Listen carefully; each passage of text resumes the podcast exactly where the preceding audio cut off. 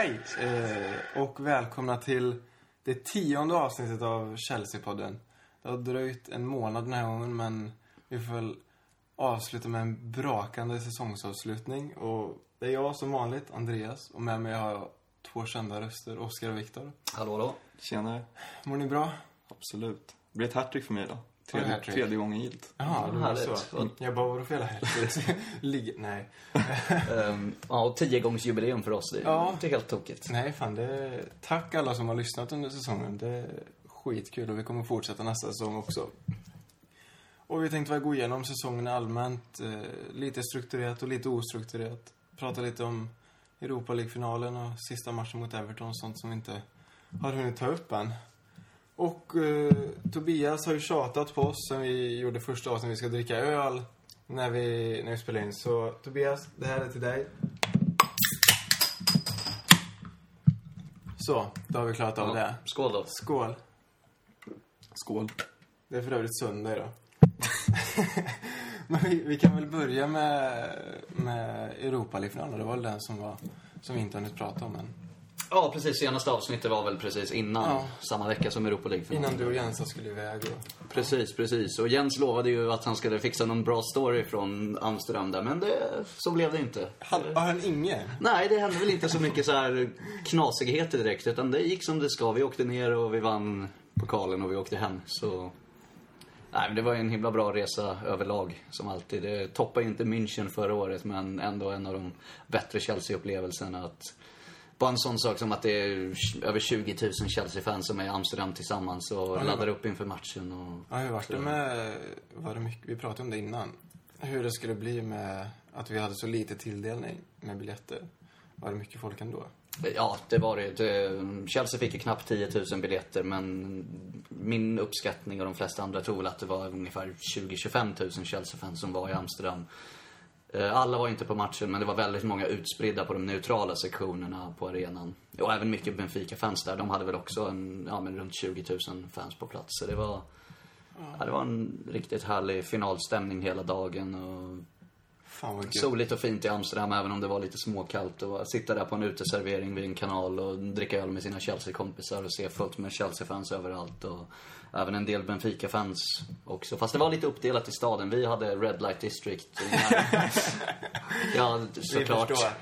Och Benfica-fansen hade några andra torg en bit bort. Så, sen, men sen var det ju jätteblandat också såklart. Men det, nej, det var en härlig upplevelse och kul att vara på plats och få se Chelsea vinna ännu en titel. Och fantastiskt målfirande på Ivanovic 2-1 mål där. Det var, Ja, fan. det var en upplevelse som jag gärna gör om. Som sagt, spelar det inte så... Just i stunden där spelar det inte så stor roll om det är eh, Europa League-final eller Champions League-final. Eh, Nej, när, när den bollen går in, det är ju inte så att man mitt i målfilen bara, ah, nej, det är bara Europa League. Självklart inte, utan då går man ju helt bananas. Vad fan, vi var en del på... Jag och Victor var ju på, på Jameson. Det var fan mycket folk där också. Ja, bra uppslutet. Ja. Vi var där först. Ja, Alla fan, det var tre timmar innan. Det var helt tomt. Men det, Satt själva i källaren. Ja, i läskiga källaren. Men kul var det i alla fall. Mm, Ja, men det hörde jag rapporter från andra ställen i Sverige, bland annat Västerås och Göteborg, att det var väldigt mycket Chelsea-fans på plats på de samlingarna. Och många nya ansikten som de som brukar gå dit inte kände igen, vilket är kul. Det att hoppas att folk kommer tillbaka på andra matcher också, på lite vanliga ligamatcher och sådär. Och inte bara när det vankas finaler och de här allra största matcherna. Så det Eller hur? är härligt. Hur fan var Jag minns inte matchen i detalj riktigt, men... Jag kommer ihåg att vi var ganska utspelade i början va? Ja, första halvlek var vi klart sämre. Det var vi definitivt. Och jag svor över att jag tyckte att Cardoso och grabbarna på topp var de för lätt hela tiden. Jag tänkte att det ska bli en sån här match nu igen när de bara faller som käglor som sydeuropeerna har en tendens att göra. Eh, Ja. Mm. Men, ja, nej, vi gjorde väl inte vår bästa match i turneringen. Även om jag tycker att liksom, mot Basel i semin, då var vi klart bättre laget över de två matcherna. Men det kanske vi inte var nu mot Benfica i finalen. Det kändes som att de var ja, minst lika bra som oss. Men vi hade väl marginalerna på rätt sida. Och sen när vi gör mål efter, vad är det, 93 minuter, då... Ja, de kan ju inte komma tillbaka från det. Även om de hade en jättechans. Ja, seriöst. Fan, du på... Shit. Det var, fy fan vad gött det var. Jävla nicken gjorde också. Nu kom det tillbaka till mig exakt hur det såg ut. Och man får ju nästan eh, ta tillbaka att man sagt om Europa League. när vi inte har spelat där själva. Man har kollat snett på turneringen och hånat väldigt mycket, många spanska fans som tycker att den är stor i deras ögon. Och nu när man själv är där, då, ja, då är man stolt över den nästan. Ja, men precis. Det...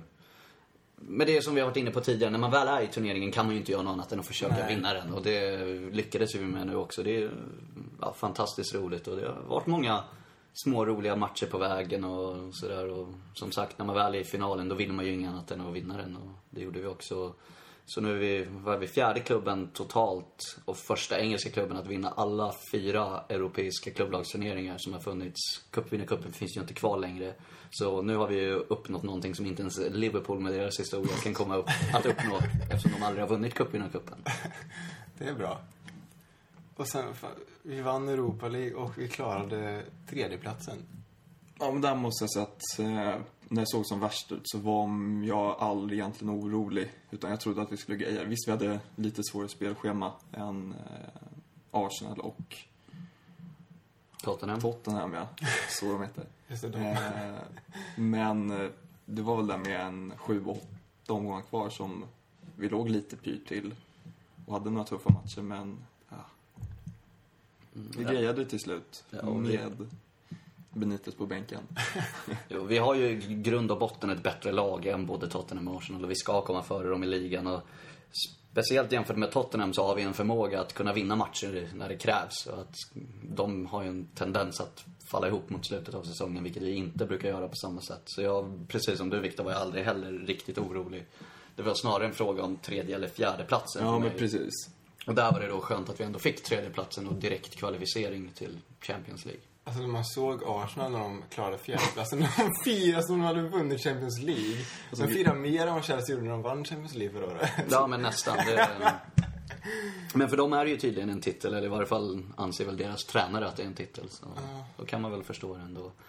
Men å andra sidan, hade vi det varit Chelsea i samma situation som inför sista omgången var tvungna att vinna för att hålla Tottenham bakom sig och komma fyra så tror jag också vi hade firat rätt mycket. Så Ja, men det är lite som det här med att vi, som du sa Viktor, vi har tidigare hånat folk för att de har liksom tagit Europa League på för stort allvar och sådär. Nu gör vi själva det, så det är också så, vad, hur, hur är förutsättningarna liksom inför? Det är det man måste basera på, hur pass glad man blir. Man har nog firat första, första minuten, sen har man kommit på sig själv. Vad, vad, vad fan gör jag? Och så kasta skit på någon annan istället. Måste alltid hitta en syndabock. Ja, och det hade nog varit ganska lätt i det här fallet. Jag vet ju vem jag hade lagt skulden på. Vem då? Ja, Benitez. Ja, du gillar ju honom. Nej, det gör jag inte. Och, ja. ska du, och du är väl trött på alla hycklare? Som tackar Ja. Benitez efteråt. Precis. Det var när Benitez, eller ja, när Chelsea firade segern nere i Amsterdam där och ja, alla spelare som de brukar hade liksom gått fram framför fansen och lyft pokalen och sådär. Så plockade Benitez ihop ett- några ur tränarteamet och så gick de fram och så höjde Benitez pokalen och det var väl några spridda applåder, de flesta gjorde ingenting. Men det var ändå rätt många, mig och några av mina kompisar inräknat, som eh, buade då. Och då var det några på raden bakom oss som sa åt oss att men ni kan väl ge honom ikväll, den här kvällen åtminstone. Och då tänkte jag liksom, varför ska man göra det? Ska man... För jag gissar att de personerna där, de buade säkert när Benitez gjorde sin första match mot City. Men ska man helt plötsligt sluta tycka illa om Benitez för att det går bra? För liksom hatet mot Benitez handlar ju egentligen inte om resultaten utan det är klart att det blir ännu tydligare och ännu att man blir benägen att hata honom ännu mer om det går dåligt såklart. Men det handlar ju om så mycket annat. Att han representerar Liv- Liverpool i våra ögon. Att han representerar sånt som vi inte vill se i Chelsea. Och att, ja, som sagt, att han även ersatte Di Matteo, vilket gjorde hans situation ännu svårare. Men att man liksom vänder kappan efter resultaten där på något sätt. Det har jag lite svårt att se varför man skulle göra det. Då borde de här personerna inte ha behövt ut Benitez i början heller. Väl formulerat. Tack. Ja, men jag håller med dig till med Europa League där, att det skiter jag fullständigt om han har vunnit eller inte. Utan det var ju ligan som var i alla fall vårt mål, om man säger så. Sen om det var hans mål att ta tredjeplatsen eller inte, det vet vi aldrig, förmodligen. Eh, Men han sa ju, gick ju alltid ut sa att han ville ha en titel med sig. Eh, Och han kom in i november, vilken omgång kan det ha varit? Var lite efter Ja, Det var väl en tredjedel av ligasäsongen Ja, ungefär. Så. just det. Någon gång Matteus satt väl 15-16 matcher. 10 matcher, ja. Så att det är ju ett Ja, större... lite, ja, lite fler kanske. Ja, 12 kanske. Eh, Så det är en större, mycket större skuta att eh, styra i ligasystemet. Och där tycker jag att man behöver inte tacka honom, men samtidigt han har gjort det han skulle. Han kom i klubben med ingenting att vinna, förutom så på sitt personliga CV. Eh, Och han har gjort, han har gjort det han ska, och nu slipper vi honom. Och vem är tillbaka? Ja, precis. Då ska ni skrika någonting. Ja, Mourinho. Hur lam måste jag höra? Sämsta glädjen idag. Ja, det vart ju aldrig, det vart ju aldrig spännande. Nej, men det var ändå enormt skönt här förra, i måndags var det väl nu en vecka, för en vecka sedan då. När det vart officiellt till slut, även om man såklart har haft det på känn med alla spekulationer och så vidare. Så ändå härligt att det till slut blev helt klart. Det började gnaga lite bara den, de timmarna när Ferguson avgick och innan Moyes blev Ja, till. det var ju på morgonen när vi spelade, ja, skulle vet. spela en då, då, då var man lite orolig när han så fanns väl inte så många alternativ för honom. Men jag misstänker att allas hjärtan säger ju ja till Mourinho, att han kommer tillbaka. Men vad säger era hjärnor? Ja, risken Ja. finns ju att det liksom blir för höga förväntningar på något sätt och att det liksom byggs upp någon slags felaktig bild som han inte riktigt klarar av att leva upp till. Han är ju en fantastisk fotbollstränare och gjorde det väldigt bra i Chelsea och har gjort det bra i sina andra klubbar också.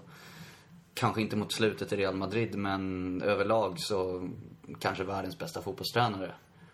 Och som dessutom, ja men han hör hemma i Chelsea och han har ju sagt det själv att det är två klubbar han egentligen bryr sig om. Det är Chelsea och Inter, men den han bryr sig mest om är Chelsea. Och han är ju väldigt älskad hos Chelsea, både av framförallt supportrar, men av de spelarna som var med på hans tid och annat folk som jobbar för klubben. Så det känns ju verkligen som att en liksom, riktig Chelsea-legendar kommer hem och det känns bra på alla sätt. Men det är det här med förväntningarna. Man vet ju inte vad händer om vi liksom kommer trea bara nästa år och in, går dåligt i Champions League. Hur, Jag skulle säga att det kanske är dags nu för Chelsea att bygga en lång relation igen med en tränare. han fick ju ett fyraårskontrakt. Det Ja. det är mer än vad de senaste. Jag vet inte vad Vias Boas hade, men Ancelotti fick väl bara ett treårskontrakt när han Boas kom. tror jag hade tre också. Ja, precis. Så det är ändå en liten signal ändå. Det hade ju kunnat vara ett tvåårskontrakt lika gärna. Så, Och det hade ju låtit så fel. Nu tar vi hem honom, men bara på två år. men tanken som slog mig, det är att han, nu har han levt ute i hetluften i tio år i Europa. Att han eh, vill ta det lite lugnt och komma hem. Och inte slå sig till ro, men liksom få andas ut för en gångs skull. Eh, och om det är bra eller dåligt, det man får vi se. Men det finns en liten risk att han är lite mätt för stunden. Sen när serien börjar igen så kanske han får tillbaka det här. Och han säger ju att han vill, han vill inte ha semester utan han ska gå direkt ut. Eller han skulle vilja, men det är en liten oro som jag har att det här är ett steg tillbaks i hans karriär. Eller liksom ett steg åt sidan. Ja, eller så känner han kanske det att han vill uppnå mer i Chelsea. Han fick ju gå tidigt där i början av sin fjärde säsong och han har ju trots allt inte vunnit Champions League med Chelsea. Även om han har två ligatitlar så har han ju fortfarande inte åstadkommit allt han kan med Chelsea känns det som. Så det är väl det liksom att han har unfinished business på något sätt. Som Han han har vunnit eh, Champions League i varannan klubb. Ja, då är det dags igen då. Porto missar Chelsea, tog den inte, missar Real. Det är dags. Men för min del, som jag var inne på där, om det går dåligt nästa eller dåligt och dåligt, men säg att vi kommer tre och åker ut i kvarten i Champions League och inte vinner någon av de inhemska kupperna Så jag skulle inte ha så mycket emot det om det samtidigt innebär att Mourinho kanske fortsätter en generationsväxling som ändå, ändå har påbörjats. Liksom, att fasa ut Terry och Lampard och få in liksom, nytt blod och kanske ha Lukaku som första striker. Och Skulle han komma tillbaks nu? Eller var det klart eller var det bara snack? Lukaku. Ja, det är ju snack om att Mourinho har sagt att han kommer tillbaka för att stanna.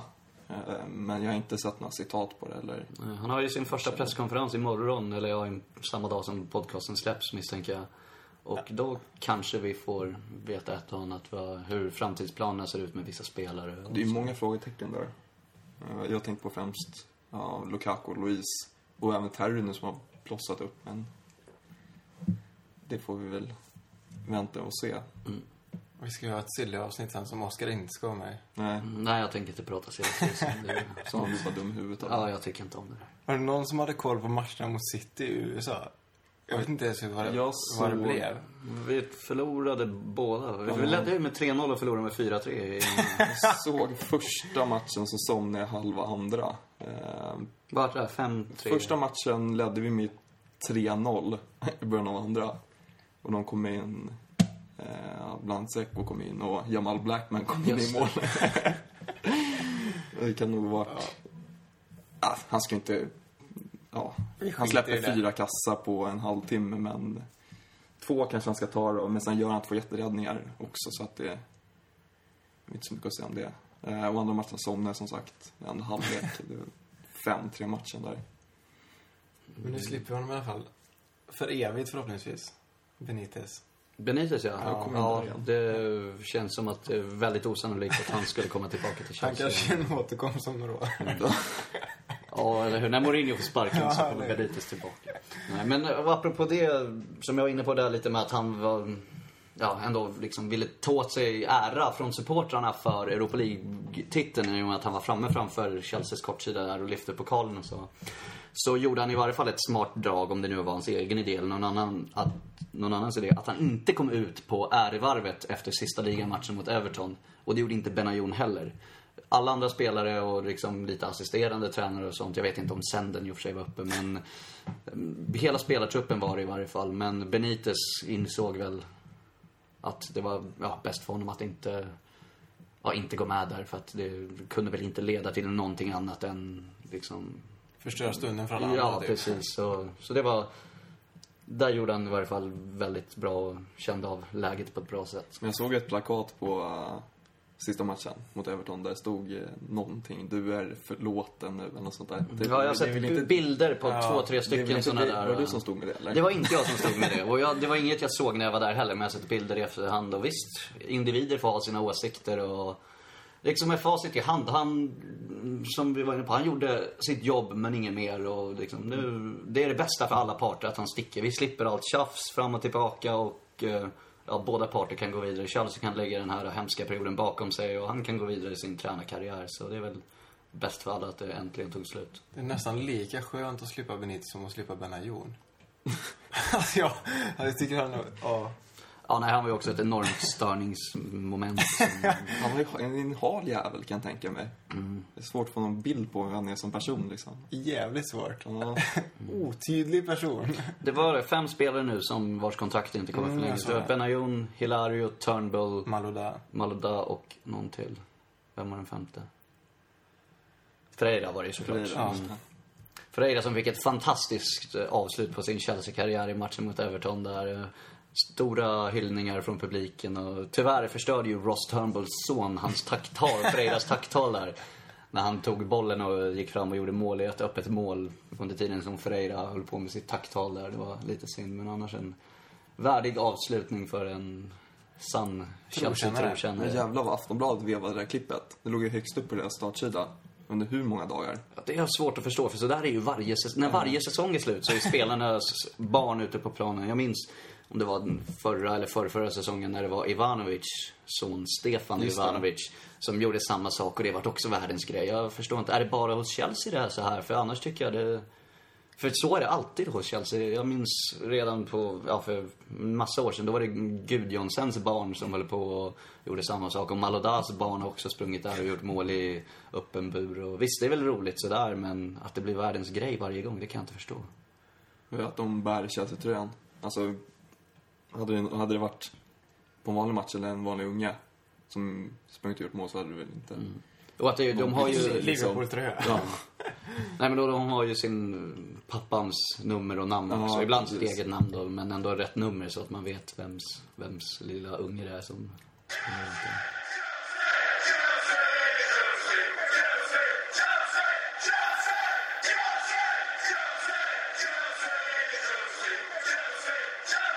Och det var ju lite olika perioder under hela den här säsongen, men till att börja med hade vi Di Matteos tid som kanske nästan är bortglömd, som man inte ens tänker på när han hade ju ändå början av säsongen. Och vad han hann uträtta. Ja, vi gjorde ju bra inledningsvis. Inledde ligan väldigt bra där och slog bland annat Arsenal och Tottenham på bortaplan och sådär. Och det såg väldigt lovande ut med Hazard som kom in i laget och var fantastisk. Ja, fy i fan. inledningen. Helt sjukt. Han låg ju bakom typ 10 av de 12 första målen och sånt där. Mm. Och det var en match tidigare av säsongen, redan i september, om, som var den matchen som var den som jag ser som den matchen som, vad ska man säga, fällde Di Matteo indirekt. Och det var Juventus hemma, när vi ledde med 2-0 och tappade till 2-2. Det är det. Hade vi vunnit den matchen med 2-1 eller 2-0 eller 3-2 eller vad som helst. Hade vi i varje fall vunnit den matchen tror jag säsongen hade sett helt annorlunda ut. Jag tror inte Di Matteo hade fått gått när han fick gå. För då tror jag att vi hade gått vidare ur Champions League-gruppen. Och man har ingen aning om vad som hade hänt. Så jag ser den som en av nyckelmatcherna till att säsongen artade sig så som den faktiskt gjorde. Ja, vi hade väl bara två förluster i ligan också. Eller en till och med. Sen kom ju den mot West Brom direkt. Nej, vi torskade mot West, West Brom innan och sen torskade vi mot Juventus borta. Precis. Det var ju då han rök. Exakt. Så att i ligan gick vi som tåget, även om anfallsspelet var väl sisådär. Men Men det, backarna gjorde ju hur mycket mål som helst. Ja, det var. Cahill och Ivanovic framförallt. Och, var det reading där när Ivanovic stormade bort? mm, precis. Och Cahill gjorde ju snyggt mål mot Tottenham borta där bland annat. Och det var... Ja, hela backlinjen Bertrand gjorde väl någon mål till och med och de bidrog allihopa där. Louise. Man hade ju, man hade, vi kom ju ändå från en, en Champions League-seger och det gick så jävla bra i början. Hazard var så jävla grym. Så man byggde ju upp otroligt stora förväntningar bara efter en, en, någon månad på, in på säsongen. Kanske det som gör att det kändes så jävla tungt sen när det började gå åt helvete. Att man hade byggt upp så pass mycket förväntningar. Ja, jag hade ju jättestora förväntningar på, eller var ju intresserad av att se Oscar, vad han kunde prestera. Och Matteo slussade in honom långsamt. Eh, sakta men säkert. Det tog några matcher innan han fick ens börja hoppa in. Men sen när han kom in så såg man ju att det var en liten magiker där ute. Men han fick börja i mitten här för mig. Jag tror du är Lite- lite mager kille, men Det är ju också. Han ser ut som oss tre. tre Oscars. Tre Oscars. Ja. Fortsätt. De två vännerna Oscar. Fortsätt. Nej, men... Eh, ja, och han tillsammans med Mata och Hazard formade ju ganska snabbt vår, eh, vårt offensiva mittfält. Och med den farten som vi, vi hade i Malodai för två år sedan som bidrog på det sättet. Men sen tycker jag det dragits ner en del. Men så liksom kom den här vågen igen med, med tekniska spelarna som kan dra sin gubbe och komma in i straffområdet och sticka in bollen. Eh, tyvärr så hade vi ju Torkel eller Snefot där inne då. Fast han fick ju in några bollar i början av året. Men eh, Mm, ja, men jag håller med. Det var ett helt annat mm, offensivt spel än vad vi har sett på ja, väldigt länge på Stamford Bridge. Och det var en fröjd att se och vi fick ju med oss resultaten också. Det var, sen var det en annan match som också liksom svängde säsongen åt United. fel håll. Det var United hemma i ligan där när vi var fan. bortdömda. Och när vi, ja först Kattenberg va? Ja, precis. Ge United en 2-0-ledning tidigt där och sen jobbar oss tillbaka och ser väldigt starka ut och sen faller ju allt med de där två Ja, röda allt korten faller och fan mig ett där. felaktigt United-mål också. Var det då Torres fick den för filmning? Precis. Ja, Det var så sjukt var det. Och Louise gjorde självmål tror jag. Ja, det Van Persie satt den ja, efter fyra minuter. Sånt. stämmer också. Det. Jag kommer ihåg jag var på väg ut till mormor då faktiskt, som fyllde år. Så jag satt och kollade den i bilen, i, bak på telefonen. Passa på att hälsa till mormor förresten, för jag vet att du lyssnar. Bra. Lyssnar din mormor? Yes, Viveka. Hej, fantastiskt. Viveka. Ja. Hej. Vi hälsar också. Ja, men den matchen kommer jag ihåg också. Det var ju... Just när man verkligen kämpat oss tillbaka så då trodde man att vi var lika starka som United i år, om inte starkare. Ehm, och så liksom rasar korthuset och sen så känns det som... Inte ett fuskbygge, men vi har ju ingen bänk. Så jag menar, vår startelva håller, men, Luftslottet som sprängdes Ja. men lite grann. Alltså, för det ser bra ut på pappret. Men sen, efter en timme så är det... Finns det inte så mycket mer att göra. Nej, det, det var vi normalt att slänga in det i Moses som jag tycker för sig har gjort en rätt bra säsong Helt stundtals. Men annars är det inte så mycket. Sturridge hade vi väl då om han inte var skadad. För han var inte såld än i varje fall. Han har gjort det hyfsat bra i Liverpool, det stör ja, mig han har ju gjort det bättre där än vad han gjorde under hösten i Chelsea i varje fall. Så, Men kolla på vår bänk för fem år sedan. Då hade vi världens bästa bänk kanske. Idag har vi... Ja. jag vet, alltså en bänk, mittenlag i Premier League egentligen. Ja, det är ibland vi har fyra backar på Ja. bänken för Ja, att det inte finns någon annan. Det kan vara liksom Ferreira och, um, jag var med säga, ja men Cahill och Bertrand och jag vet inte, någon till från backlinjen. Och sen har vi... Och så Moses. Ja, Moses och typ, jag vet inte vem, någon annan Nej, men hela Europa. League har vi spelat med en anfallare och Ja. ingen anfallare på bänken. Hade Tork... Tork. Torka så länge. Hade Torres gått sönder, då hade vi förmodligen fått slänga in Moses på topp som hade lirat lite i anfallare i Wiggen. Antagligen. Eller göra som Di Matteo mot Juventus borta, köra med tre korta anfallare. Nej, alltså det är ju det, är det jag menar med fuskbygge. Liksom, det finns... Det finns ingen baktanke i det egentligen. Mm. Nej, det har ju Mourinho någonting att verkligen bygga på och försöka. Och det känns ju som att han är en manager som liksom bygger upp ett ordentligt lag. Ja, jag undrar hur, hur kan det ha blivit så här fel? Alltså är det för att vi har bytt managers för ofta och det är liksom de nya som kommit in har mer koncentrerat sig bara på laget? Ja, men det var ju som bara, ser man sista dagen på transferfönstret förra året. När vi inte har en överdrivet bred trupp. Då gör vi oss av med två centrala mittfältare, Meireles och SEN. Utan att ersätta någon av dem. Det kanske var att vi förväntade oss någon värvning där, men ändå. Det, det är konstigt bara. Ja, truppen, har, truppen har ju slimmats. Jag vet inte om det har någonting att göra med financial fair play och sånt. Men... Svårt för oss att säga. Precis, men att man vill skära ner lönekostnader och både SEN och Meireles som är relativt rutinerade spelare kanske satt på höga löneposter. Nu verkar ju för sig som att SEN kommer komma tillbaka till nästa säsong. Allt pekar på det va? Positivt, ja. Han hade ju trots allt Mourinho nu i Real Madrid Ja. också. Så. Han har i alla fall en, bänk, en bra bänkspelare att- att slänga in. Ja, absolut. Det får han hålla sig skadad. Istället för Romeo. Fy fan, och bara, kan inte han försvinna också? Ja, men han har, verkar ju ha försvunnit. Han är ju inte... Han Han är är, ju inte... Ja, men, ja, han har gått på full på träning sen innan Europa League-finalen. Men Det är ju bara var... Ja, det har varit två jag, matcher. jag menar, jag, jag vet inte ens om han var med i USA. Jaha, nej Det det... lär, han borde ha varit det, men jag kan inte komma på att jag såg honom på planen.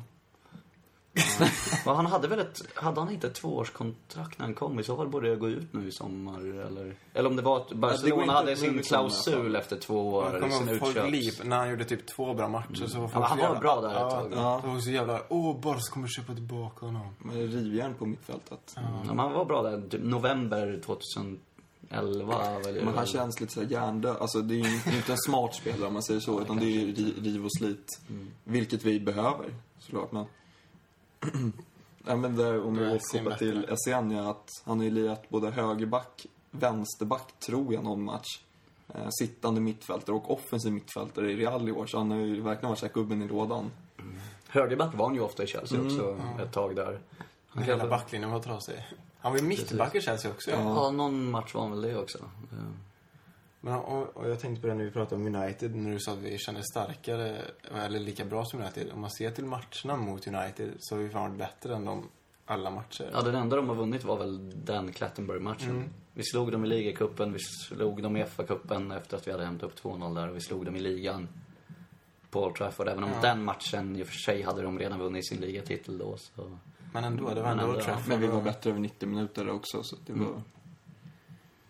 Jo, men då var det återigen att vi har ju tappat poäng i de här matcherna mot bottengängen. Det är mot det som har varit så Southampton och QPR och Reading och så vidare. För om man ser tillbaka på så, man vet ju, man kollar ju ändå Uniteds matcher också. De liksom, man kan och se. Så vet man, släpper de in ett mål mot Southampton, så vet, då kan man spela en miljard på Unibet att de vinner, för man vet att de vänder. Mm. Det är det vi har saknat liksom hela säsongen, att har vi släppt in ett, så har inte jag känt att, "Eh, fan det här vänder vi lätt. Utan det har varit så här, Och har vi gjort det, då är det, aj, nu är det risk för kvittering. Ja. Har vi gjort två så har det ju till och med varit så som det var två matcher i rad nästan där mot Southampton och Reading Ja. i januari. Att vi tappade 2-0-ledningar sent. så det har varit lite den visan hela säsongen. Mm, Och det är ju någonting som aldrig någonsin hade hänt på Mourinhos tid. Det fanns ju inte på kartan då. Du menar att bästa laget spelar, oavsett? Nej, jag menar att mm, vi tappar inte ledningen. Nej, okej. Framförallt inte med två mål. Oj. Förlåt. Framförallt inte med två måls marginal. Sådana ledningar, det, det tappar man inte med Mourinho som tränare. Det, det finns liksom inte. Och nu när vi ändå pratar om Mourinho, det känns ju, och med, med smal och bred trupp, han är ju ganska bra namn om man vill locka till sig bra spelare också Absolut. inför nästa säsong. Ja, tror ni att han tar med sig någon från Real? Han har ju en förkärlek att ta med sig spelare dit han går.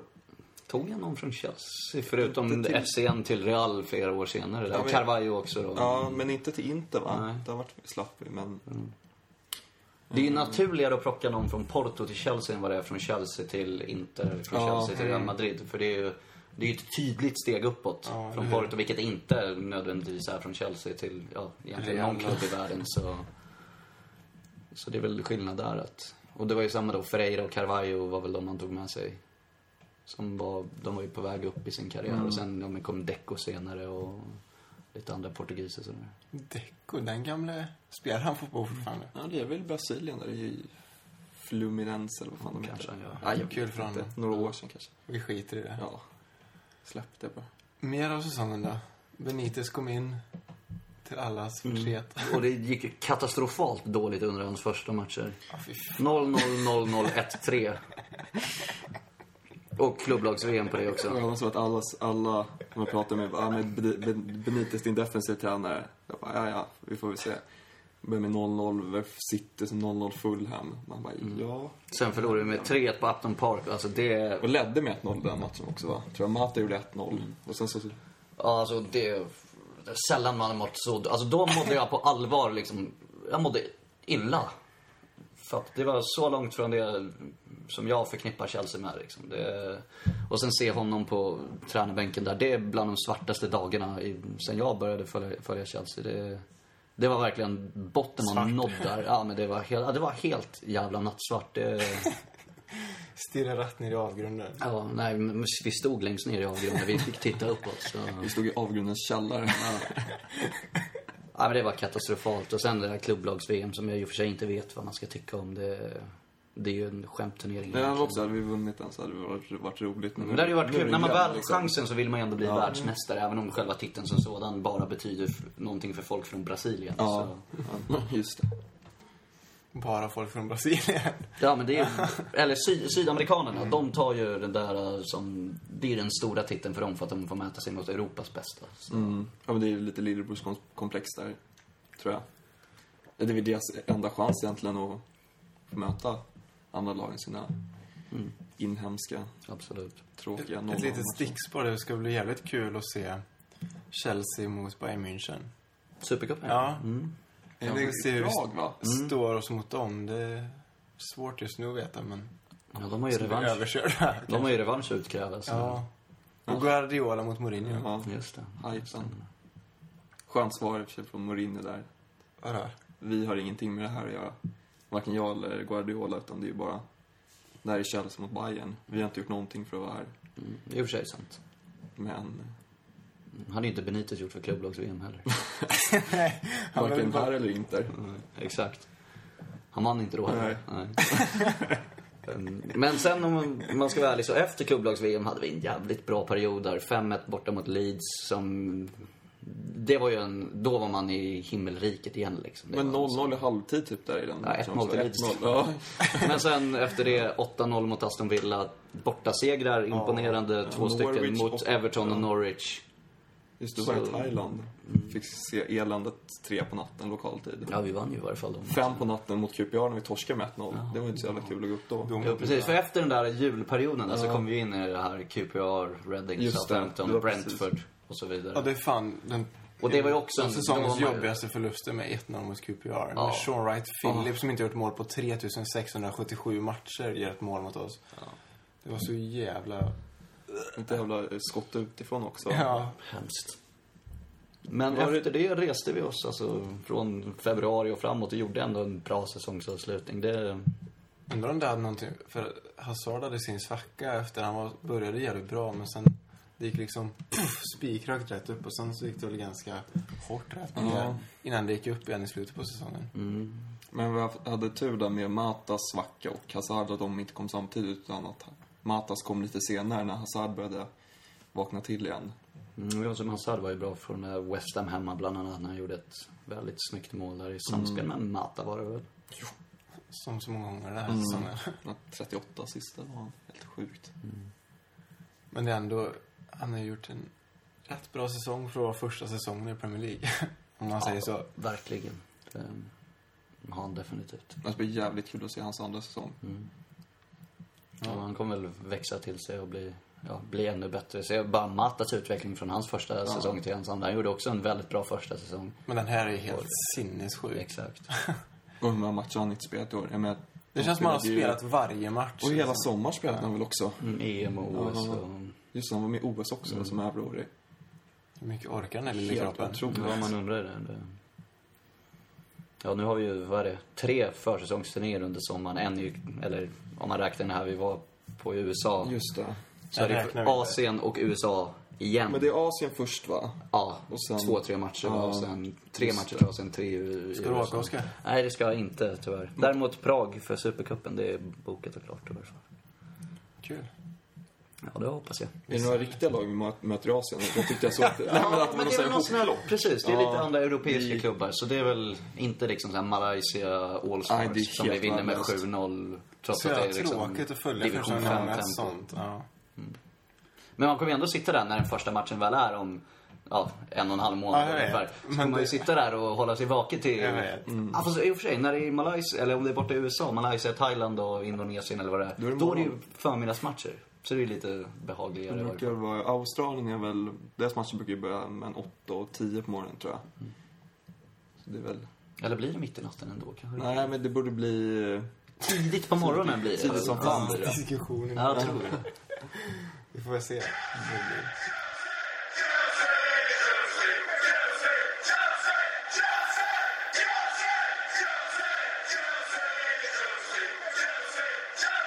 Vad tycker ni om, om vi, om vi, ska, om vi knyter ihop säcken då? Vi får se, det kanske, ni kanske har hört allt däremellan, men skitsamma. Vad, vad tycker ni om säsongen om vi, om vi sammanfattar den på, på några få meningar? Ja, men det är väl som vanligt.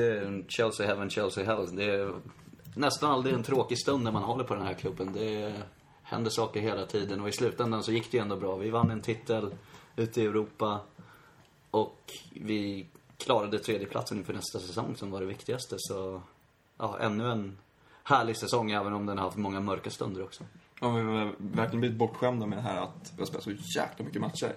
Det har, alltså, det har varit match nästan varje dag känns det som. Det har varit helgmatcher som har varit någonting varje vecka att se fram emot. På tisdagen, onsdagen eller Fan vad torsdagen. det. Men samtidigt har vi fått stå ut med tortyren där runt jul. Som, ja, men en rolig säsong. Som s- en, en saga med ett lyckligt slut får man väl ändå säga. En bra sammanfattning Ja. tycker jag. En saga. Ja, bra Viktor. Du är duktig. Tack. Kanske blir journalist. Ja. Som du. Som jag. Kul. Fan, jag får säga grattis till dig också. 15-årsdag. Ja. ja, 15 får man gå på krogen va? Vi fick ju köpa ut till Viktor innan vi skulle dricka öl idag. Ja, just det. Oskar, grattis till din examen också. Tack. Som inte har någonting med Chelsea att göra, men det är ändå... Folk lyssnar ju ändå på oss, så de kanske vill veta någonting om ditt privatliv. Ja, nu har ni fått veta allt. Och som sig bör, på en säsongsavslutning så tänkte vi eh, ha lite lister. Det är alltid roligt. Årets mål och såna här grejer. Bra att jag börjar med det, men vi ska börja med årets mål. Och vi tänkte dela upp det i tre kategorier. Bra, Viktor. Dela upp det i tre kategorier. Det som vi tyckte var snyggast, det som var viktigast och det som, som, vi, som vi firade mest, helt enkelt. Och kan jag börja med dig då, Oskar? Vilket tyckte du var snyggast? Jag tror nog att det var David Luiz hemma mot Basel. Hans knorr upp i krysset där. Det, ja, den säger jag. Möjligtvis Den fel kan hans... Ja, det var det kanske. Ja, Ja, vänstern var det. Det, han gjorde Rätt två. Han gjorde frisparken också. på bortaplan ja. Jo, Ja. men den på hemmaplan där Ja, men jag. precis. Och sen möjligen att hans mål borta mot Fulham kan konkurrera med det. Men nej, jag tror nog hans hemma mot Basel. Ja. ja, jag tänkte också först på uh, borta mot Fulham där. Praktsparken. Eh, sen är det klart Oscars mål. Men det är lika... Det är bara för att det var så viktigt tror jag att man tycker att det är snyggt. Eh, med mottagning där runt Pirlo och han knorrar den i bortre. Men jag får nog ändå säga Louise borta mot Fulham. Ja, jag tycker fan det är när han dundrar ut med vänstern. Vänstern, med vänstern i krysset. Mot Basel. Ja, det... Då vinner den alltså. Ja. Synd, Viktor. jag skämtar. Nej, men det, jag tycker det... eh, Vi hade ju pratat så här mycket om det. Det var roligt också att han dundrade in och så. Mm. Och sen, jag tror att det hade kanske kunnat vunnit årets mål, den officiella omröstningen, om det inte hade varit för att omröstningen hade startat innan den matchen spelades. Så Han det målet fick ju inte vara med. Nähä. Så då vann ju Oscars Ja, jag mål vann istället då, där mot Juventus. Inte. interna... På ja, just Chelseas, eh, ja, Chelseas årets mål-tävling helt enkelt. Och vilket mål var viktigast i år då? Mm. Bara tillbaka till årets mål. Det som hade vunnit alla kategorier var ju det målet som inte blev. Lampards ribbskott mot Benfica i finalen. Det hade ju Ja, tagit allt. det hade lätt. tagit årets snyggaste, årets viktigaste och årets som man firade mest. Det blir 204 va? Ja, förstå om det hade varit det 203 dessutom. Om han hade legat på Ja, just det. sjukt det hade varit. Ribban där är en Jamström. Ja, det hade varit fantastiskt. Mm. Ja, men tillbaka till... Till, till det viktigaste. Inte lika lätt. Nej, jag kan det vara... tänker i slutomgångarna där när vi... Hade det bara blivit 1-1 mot Everton hade vi fortfarande kommit trea. Så jag vet inte, jag vill kanske påstå att det är något mål mot Tottenham eller Arsenal. Ja, jag tänker ju Matas kanske. mot United där också. De Tänker tre också poängen var så jävla viktiga. Mm. Fast det vart ju så, från omgång 30 så vart nästa match Alla den viktigaste liksom vi har spelat. Men Matas där, det kom ju ändå rätt sent i den matchen. Mm. Ja, 86 eller sånt där va? Men vad hade hänt Jag om det tycker- hade blivit 0-0 där? Och vi hade ju fortfarande kommit trea också om alla andra resultat hade gått Ja. slutat lika. Så det, Men det visste man inte då. det visste man ju såklart inte då. Det är Men sant. fan. Det är skitsvårt ju. Så Mm. årets viktigaste, det är det vi är på. Ja. Det var fråga. Ja, men ska det vara 2-1 målet hemma mot Tottenham som gjorde att vi ändå inte förlorade den matchen kanske? Eller ska det vara någon så här 3-2 målet borta mot Man dem i tänker ju- ligan som Mata gjorde? Man tänker direkt på ett vinstmål. Alltså, men det kan ju vara ett mål som gör att vi får med oss en poäng. Eller Eller Lampards- Tottenham inte får tre poäng till exempel. Lampards straff hemma mot Arsenal som gjorde att det blev 2-0 när vi senare vann med 2-1. Ja. Det kan ju vara det också. Det... Ja, precis. Det finns många viktiga mål kommer vi fram till. Ja, det är inget enskilt Det är- sådär solklart. Det är ju inget så här att vi har vunnit någon Nej. Superviktig match som varit Vändningen helt avgörande. mot Everton när vi låg under med 1-0 efter bara några minuter. Oh. Svårt Ja, säga. Vi har ingen vinnare eller? Nej, vi har ingen vinnare. Nej. Men det som vi firade mest då. Det jag firade mest, och det Viktor firade mest också, tror jag det var Ivanovic-målen då på, på, i finalen. När vi var på puben.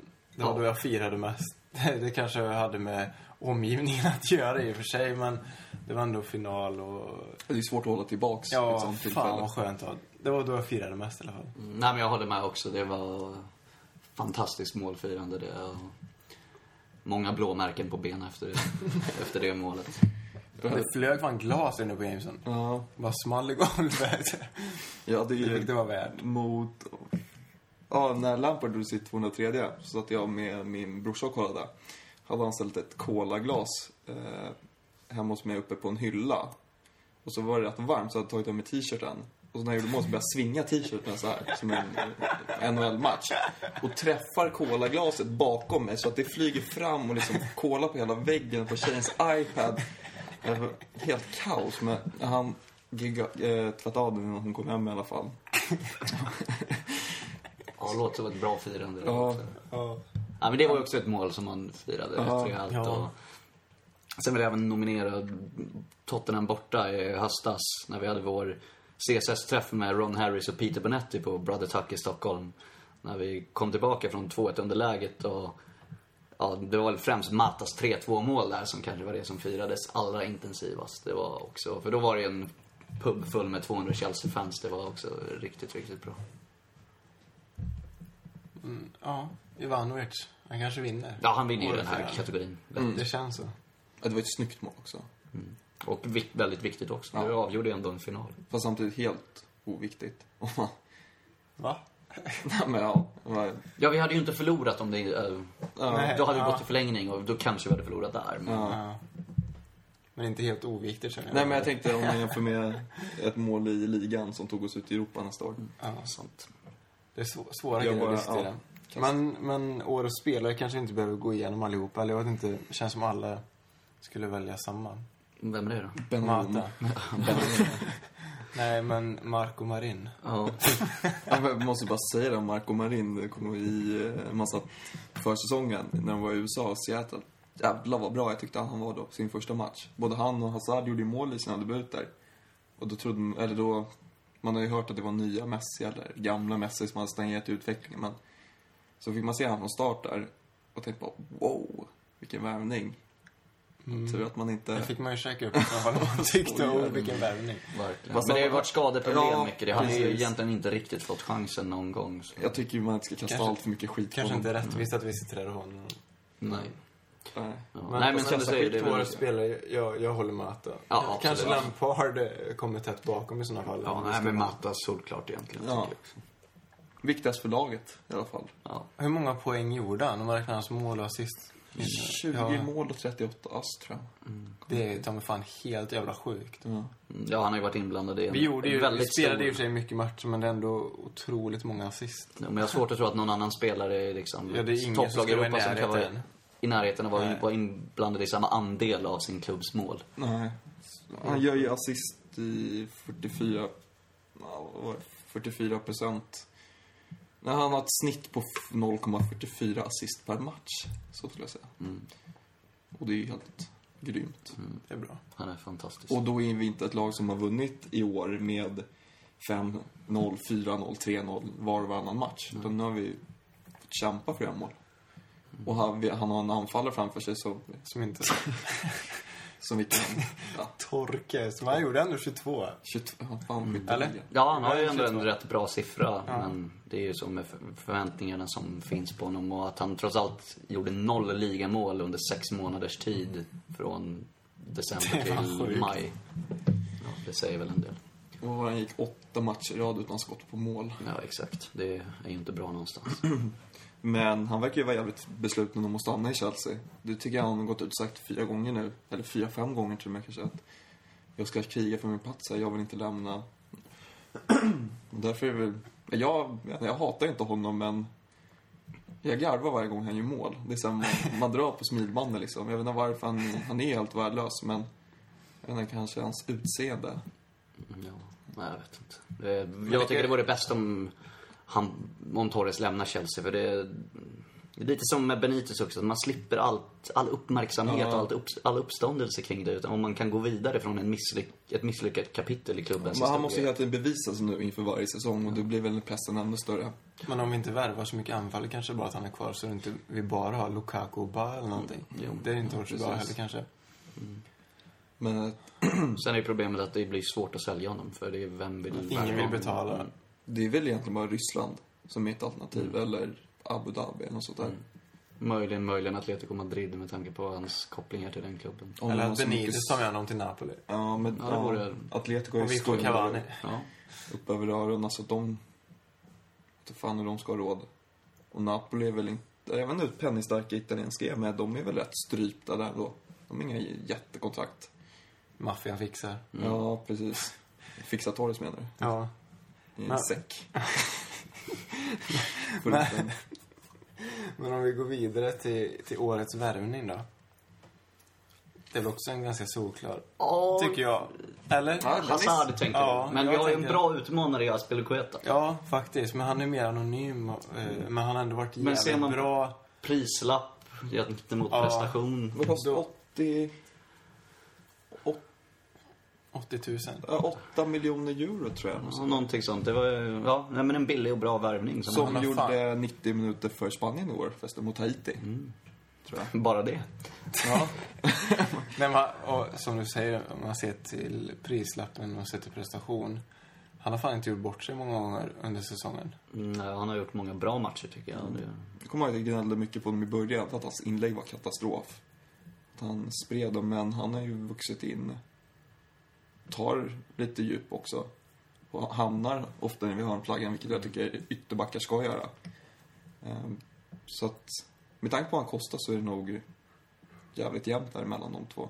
mm. Även om Hazard har ju ändå levt upp till de höga förväntningar som man hade på honom. Ja, det är svinstora förväntningar på sig. Men om säsongen som vi varit inne på varit lite upp och ner för hans del så överlag så har han ju varit en väldigt bra spelare. Gjort mycket mål, mycket assist och ständigt liksom varit ett, ett offensivt vapen för oss. Tänk om han bara kunde skjuta lite mer.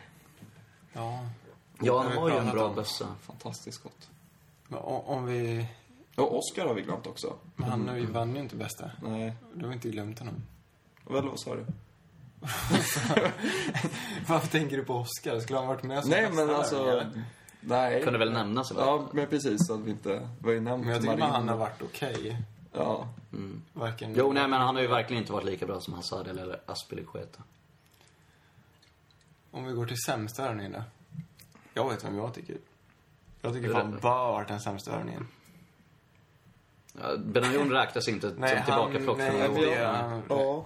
Det där är lite Och Marin, Marin, som var ju- skadad. Det är svårt att säga vart Ja, Marin... men Ba har ju ändå fått chansen. Ja. Hela tiden. Och han har inte riktigt lyckats. Så. Även fast det också var en billig värvning. Men Mm.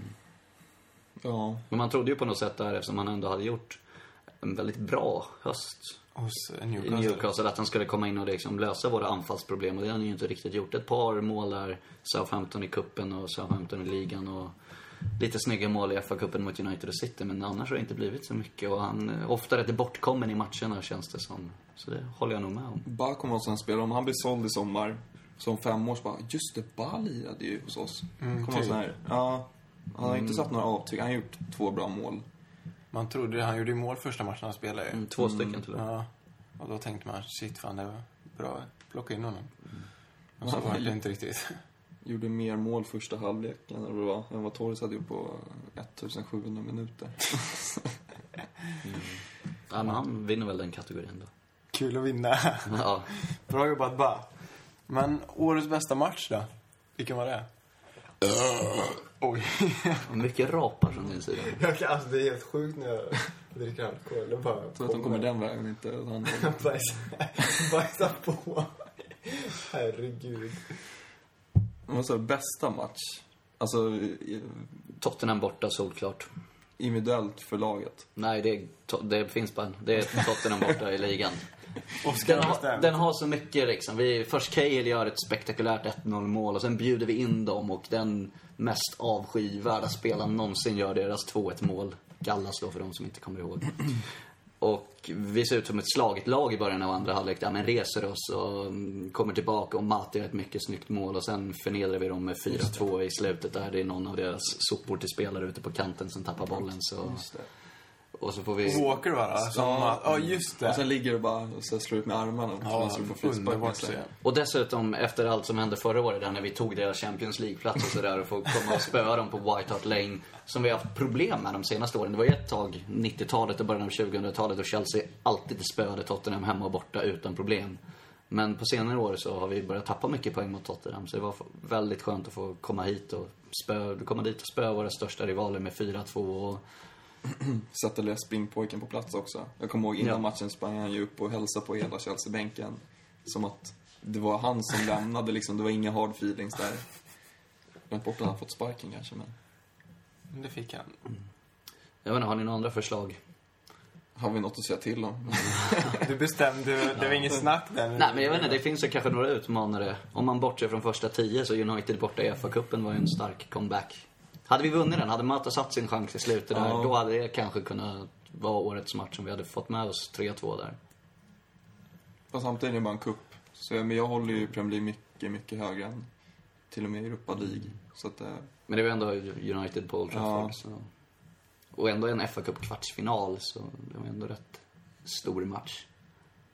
var sjuk räddning på slutet. Helt Oscar vinner. Tack. Och Tottenham vinner. Ja, Inte. nej, de får väl vinna någonting för. Vinna årets sämsta lag. Ja, Årets sämsta frisyrer. japp. Men eh, årets sämsta match då? Den jag blev, ja, vi pratade lite, QPR 1-0 är väl Ja. en kandidat. Brentford. Så så- Ja, undrar om inte QPR ändå. Det är, det är aldrig okej att torska mot dem. Det, speciellt när de ligger toksist i Premier League Ja. också. Är totalt värdelösa på alla sätt. De hade väl Och så- inte vunnit, eller hade de en vinst eller sånt, eller de ens hade någon vinst innan tror jag. Ja, nej, men så låter de komma till Stamford Bridge och vinna. Det är nej, skönt att man slipper se dem nästa säsong i varje fall. Vann den då? Va? Vann den? Ja, har vi någon utmanare? Har du någon? Nej, ja, det är ju svårt att säga emot. Alltså Så, QPR. Juventus borta kanske inte var så himla bra heller. Southampton borta var väl inte briljant. Den gjorde mest ont 1-0 mot QPR. Ja, den var tung. Sett till vad de hade presterat innan. Så, Jag har sett till att Ja, det är men QPR. Ja. Det, och på vår hemmaplan också. Hade QPR legat i mitten så hade det varit ett, en annan grej, men hade de väl en vinst eller om ens det. Och så tog de fem poäng av oss i år, va? Alltså om man... Vi kryssade väl andra matchen. Precis. Hur fan kan de... Ja, vi, eller vi tappat fem poäng. Ja. Ja. Jag förstår. Det var inte bra. Nej. Tog de mest fem poäng i serien i år. Tog väl tio eller någonting. Det Någon som vet vad Anton Fernand tog vägen? Ja, du är som Drog inte han till Ferdinand. någon turkisk klubb? Ja, kan stämma. Nej, ja. I januarifönstret? Gjorde han inte det? Det ringer nog klockan nu, säger Ja. det. Det var bra. Längre bort härifrån, det, Ja. desto bättre. Kan hans syrra dra med. Kanske någon skjuter honom.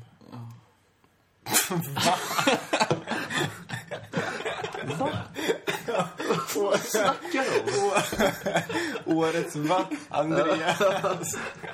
Kanske de skjuter det. Jag tänkte såhär, fanns det någon koppling till någonting här? Nej, det fanns ingen koppling. Ja, det här kan inte vara det. Black, black. ja. Lista, listan var klar. Det var det jag skulle komma till.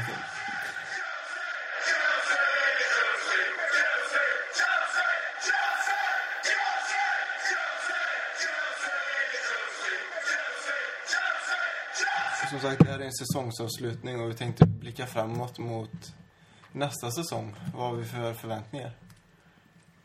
Höga förväntningar. Som vi snackade om tidigare så finns risken att förväntningarna blir för höga nu när det är Mourinho. Men jag tror helt seriöst att vi kommer vinna ligan nästa säsong relativt komfortabelt.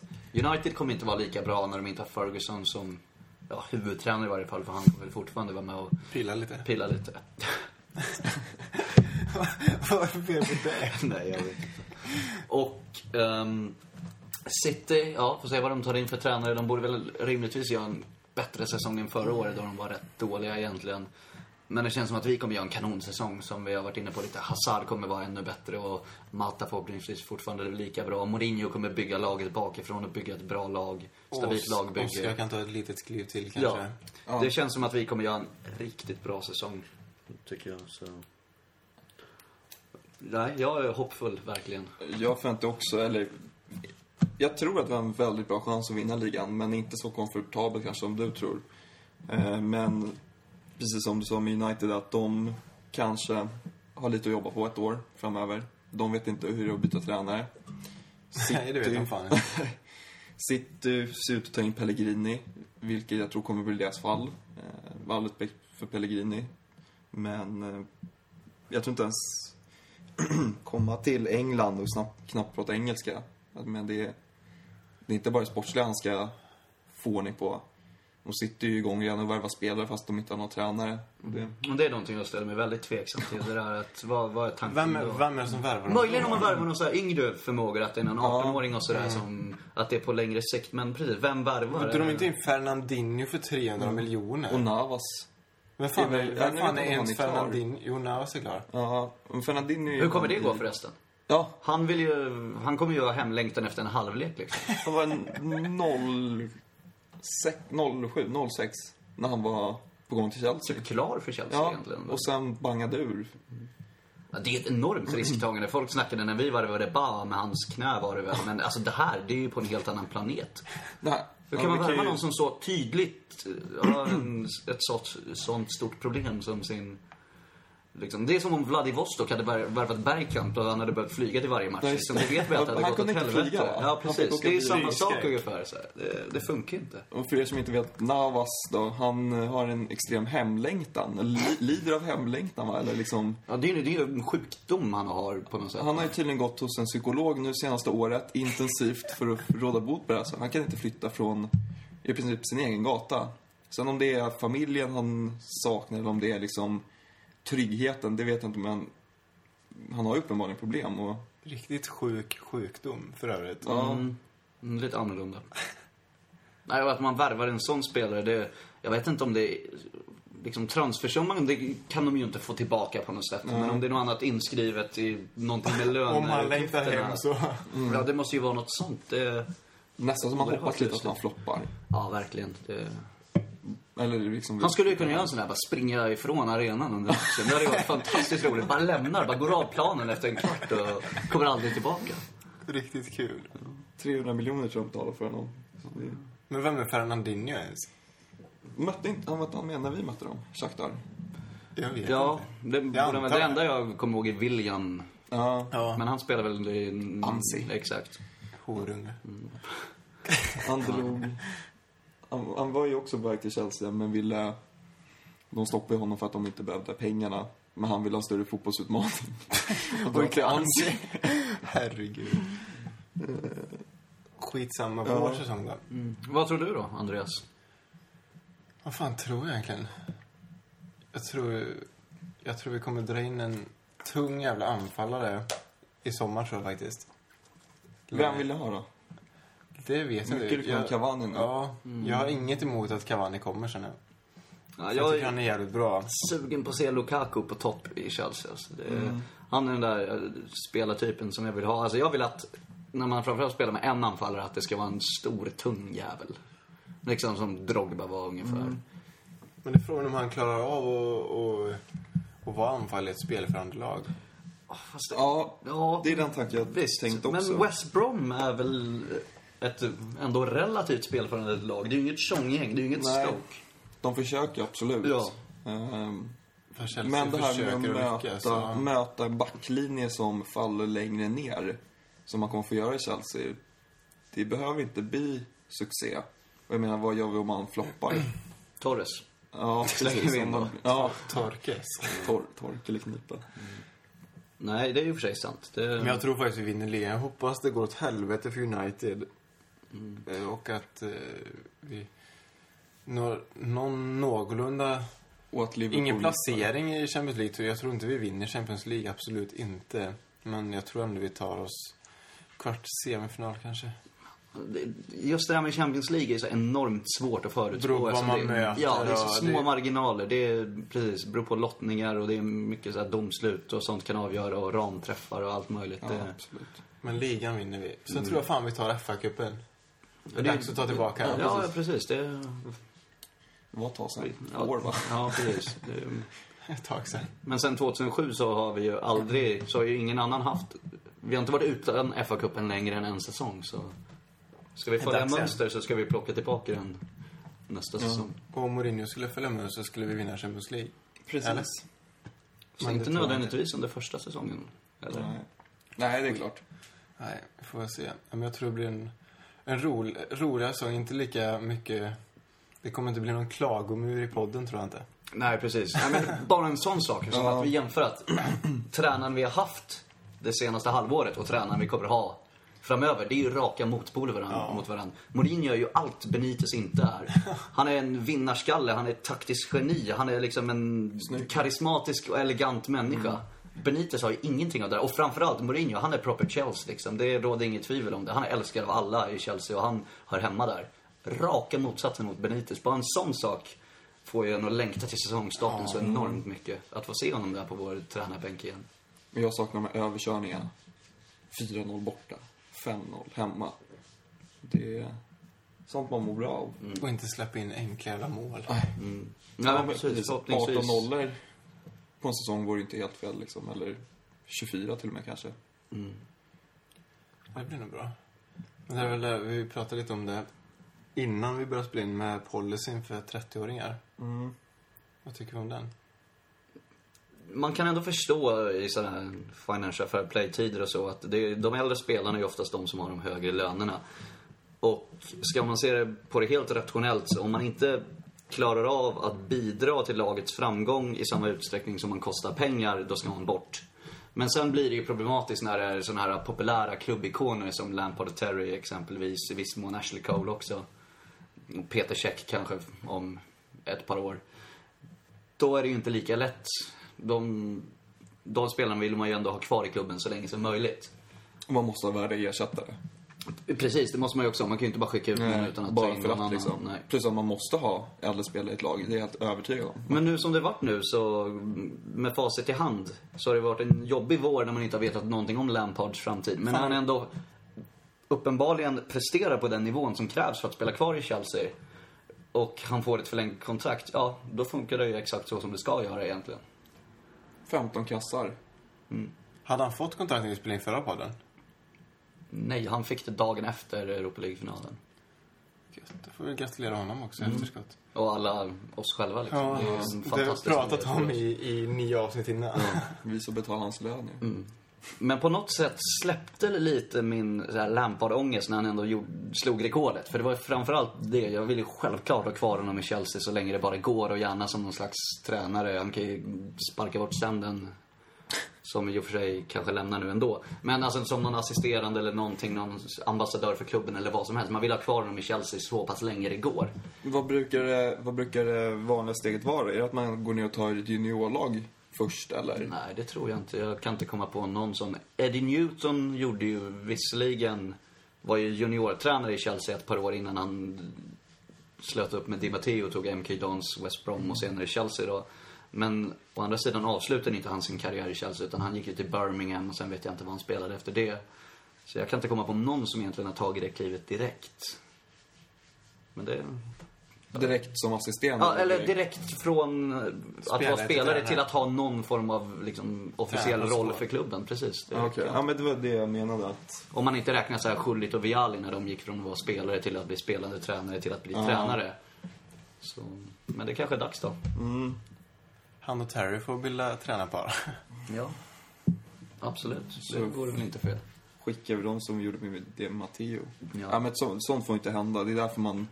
På ett sätt vill man ju Då kan de hålla inte ha dem på bänken på, alltså som tränare utan de ska liksom få sluta med värdighet och inte...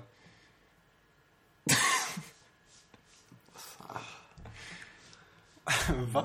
Ja, nej, men det kan ju bli problematiskt där om liksom, klubbikoner, om de liksom, får sparken. Och så nu, när Di Matteo fick sparken så var ju de flesta Chelsea-fans överens om att det var orättvist och att det var fel. Och det påverkar ju inte hans anseende, för han vann ju trots allt Champions League bara ett halvår innan. Men om någon av, säg att Terry eller Lampard eller båda skulle vara tränare för Chelsea och göra det dåligt, göra ett dåligt jobb, så skulle ju det liksom bli Ja, det är en jobbig situation. liksom. Ja. Ja, precis.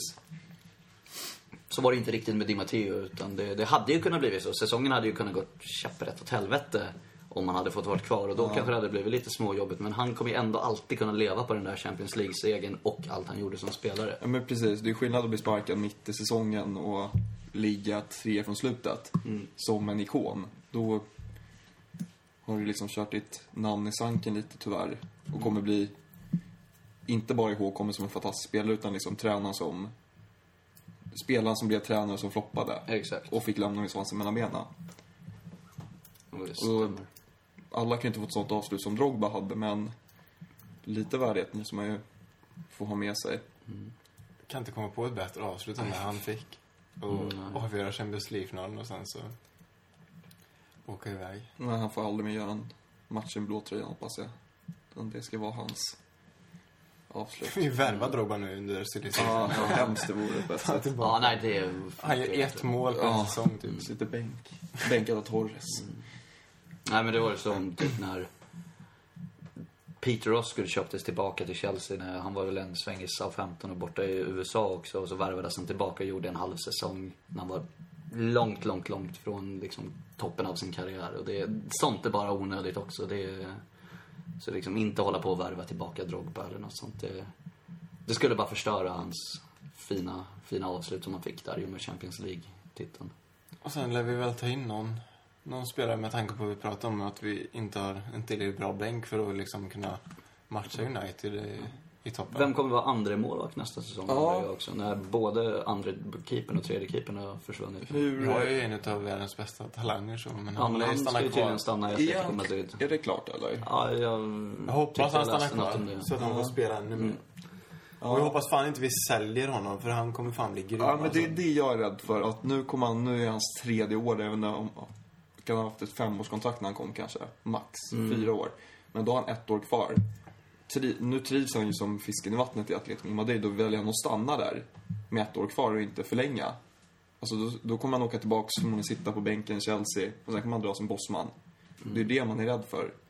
Ja, det är en lite jobbig situation. Det är ju ett lyxproblem, men det är ändå en jobbig situation. Men som fallet är nu, nu i sommar, så är det väl ändå rätt att... Det går inte att plocka tillbaka honom nu. Det skulle Nej, Check håller ju fortfarande. Ja. Säkert ett, två år till. Minst. Ja. Är, han är ju fan bara, vad är han, 30? 30? Ja, En 32 31. kanske. Nej. Han är fan Var han inte 32. 20 eller 22 när han värvades 2004? Och Jag sen, tror han är 30. Jag var 30. Och då var han ju... oavsett så har han ändå målvakt. De kan Fan, fan det stod ju när 40. han stod först. Ja, precis. Och Schwartzwald i Fulham, det här är kanske ett dåligt exempel, men han är väl också 38. Ja, men Friedel, Ja, det finns ju hur så många men som de helst. håller ju. Brad Friedel ser ut att vara 110. mm. Men målvakterna håller ju generellt längre. Så. Courtois ska egentligen komma in då i slutet av Tjecks karriär när de kanske ska börja dela på matcherna. Ja. Men då gäller det att Chelsea fortfarande visar att de vill satsa på Courtois. Mm. Och gör något förlängt och förmodligen förhöja lönen. Jag vet inte om de får någonting för att han är utlånad, men någon slant borde de ju få. Atletico betalar nog en procent av Vi lönen, måste- det förmodar Ja, jag. lönen, eller precis. Men sen borde de få en eh, peng också. Tveksamt. Va? Det är väl mer att slippa lönekostnaden, tror jag. Ja, kanske. Jag menar, det lär- finns andra klubbar som är sugna på att ha honom. Ja, Och betala en eh, Ja, det är och låneavgift. för sig sant. De kan, kan förhandla till sig något. De Mm. Jag menar, eventuellt... nu är han väl mer eller mindre ordinarie i Belgien också, landslaget för eh, Migolett eller vad han heter. Ja, vi har väl halva startelvan där, är väl Chelsea. ungefär. Lukaku, Hazard, De Bruyne, Bruyne. och... mm, Tar vi tillbaka han nu då? Eller är han klar för något lån igen eller? De Bruyne? Mm. Ja, vi kan ju ta, börja med Schürrle där. Är han klar eller? Det, Nej, allt han är pekar inte klar. Nej, inte officiellt, men allt pekar ju på det. Deras... Det vill inte Oskar prata om. Nej, det är för mycket. Ja, okej. Du såg Oskars blick här. Ni som inte ser oss, jag skulle, jag skulle ta ett kort på Oskars blick när Viktor stod upp. Nästan klara Det ser värvningar. inte ut som han vill äta upp Nej. på ett kärleksfullt sätt. Nej, men han är väl inte klar. Jag vet inte om... Om vi nu säger att vi värvar honom då. Hur påverkar det De Bruynes framtid i Chelsea? Då kommer han ju förmodligen bli utlånad. Precis. Det Jag känns, så som att, svårt- det, det känns som att det är antingen eller på något sätt Ja. mellan de två. Jag har så svårt att säga någonting om dem, just De Bruyne, så man, man ser ju inte, man följer ju inte honom. Nej. Och Schürrle, jag har liksom sett ett mål på YouTube. Det är typ det jag har gjort. Och Ja, jag Schürrle vet jag på Ja. tok för lite om Ja, för att det- uttala honom. Men alltså, kan inte säga får någonting. De Bruyne lira Champions League nästa år med Bayern så är väl det jättebra. På ett sätt. Vadå Bayern? Är inte, äh, va? Ja, Leverkusen alltså. Jaha. Jag tror Men, den här Bayern eh, München bara, ja. fattar ingenting. Ja, om han går dit. I en by, alltså, ja. ja. För han var väl i Werder Bremen under Ja, säsongen. precis. Men, ja. Återstår att se. Som ett jävla bottengäng. Nej, men han gjorde väl ändå en rätt bra säsong där. Och...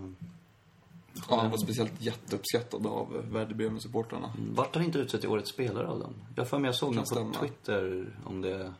Twitter är en bra källa. Ja, jo, men det var Ja, hans officiella egna twitter De har, alltså, vad har de mer? A- Arnautovic, eller vad han heter. Ja, ingen aning. Vi men- skiter i det. Ja. Men det är ändå betryggande på något sätt att vi har de här spelarna som vi har ute på lån. Liksom. Ja. Courtois, De Bruyne, Lukaku. Lukaku. Framförallt de då. Sen finns det väl ett par andra. Liksom. McEachran känns som att där händer ju ingenting. Nej, han kommer aldrig bli Ja, men- bra i Chelsea. så, nej, vi måste ju förvalta det väl alltså. Han är fan tunnare än vad vi är. Åh, han är smal. Då är man fan tunn. Ja. Undrar om vi tre väger tillsammans. 130. Flygviktarnas podd, ska vi döpa om den till? Det skulle vi kunna göra. Men sen har vi ju Lukas Persson också på eh, lån. Och jag vill anställa, eller jag... Och Chaloba, eller fan heter han? Chaloba? Ja, just det. Han har vi glömt också. Nej, men han känns däremot, för han är några år yngre också. Han är född 95 väl? Ja. Så att jag säger fel på ålder så beror det på Nathan Aki här förut. Ber om ursäkt Fredrik Järdal. um, Gardera är 94 eller 95. ja, något sånt. Men han han... någonstans mellan 93 och 96. Ja, exakt. Det, det borde täcka in det. Och har gjort det väldigt bra i Watford. Det är ändå Championship. Topplag i Championship. Det är ändå... Fan. Det känns som att det många Chelsea-supportrar som är på Watford alltså. Mm. Valet. Jag såg den här matchen. Ja, Jag har en liten soft spot för Crystal Palace faktiskt. Jag vet inte varför. Jag har varit där och sett en match och sådär. Jag tycker det är så här, skön gammal klassisk brittisk arena. Ja, men precis. Och en Londonklubb som egentligen inte utgör något hot på någon front. Men som är ja, men en mysig klubb och sådär. Jag gillar Byter ut dem mot QPR så slipper vi hata lika mycket. Ja, men exakt. Det... Sist eh, QP, eller Crystal Palace gick upp i Premier League så tog ju Mourinho över året efter och vann ligan. Så det Just det. Stämmer. talar ju för oss också. Eller? Ja. Nej, fan har vi något mer att ta upp? Jag har pratat länge nu. Ja. Jävlar.